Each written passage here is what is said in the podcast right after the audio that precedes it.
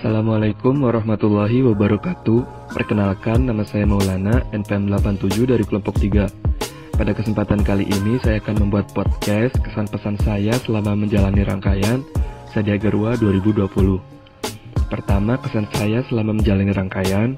Di awal-awal saya merasa berat menjalaninya Karena harus membiasakan diri untuk menjalani rangkaian setelah melaksanakan proses perkuliahan. Namun ketika sudah menjalaninya saya mulai terbiasa dan paham Ternyata rangkaian ini bermanfaat bagi saya. Materi yang disampaikan oleh pemateri bermanfaat bagi saya. Perubahan perilaku juga terjadi pada kehidupan saya. Saya menjadi lebih disiplin, teratur, dan lebih menghargai waktu.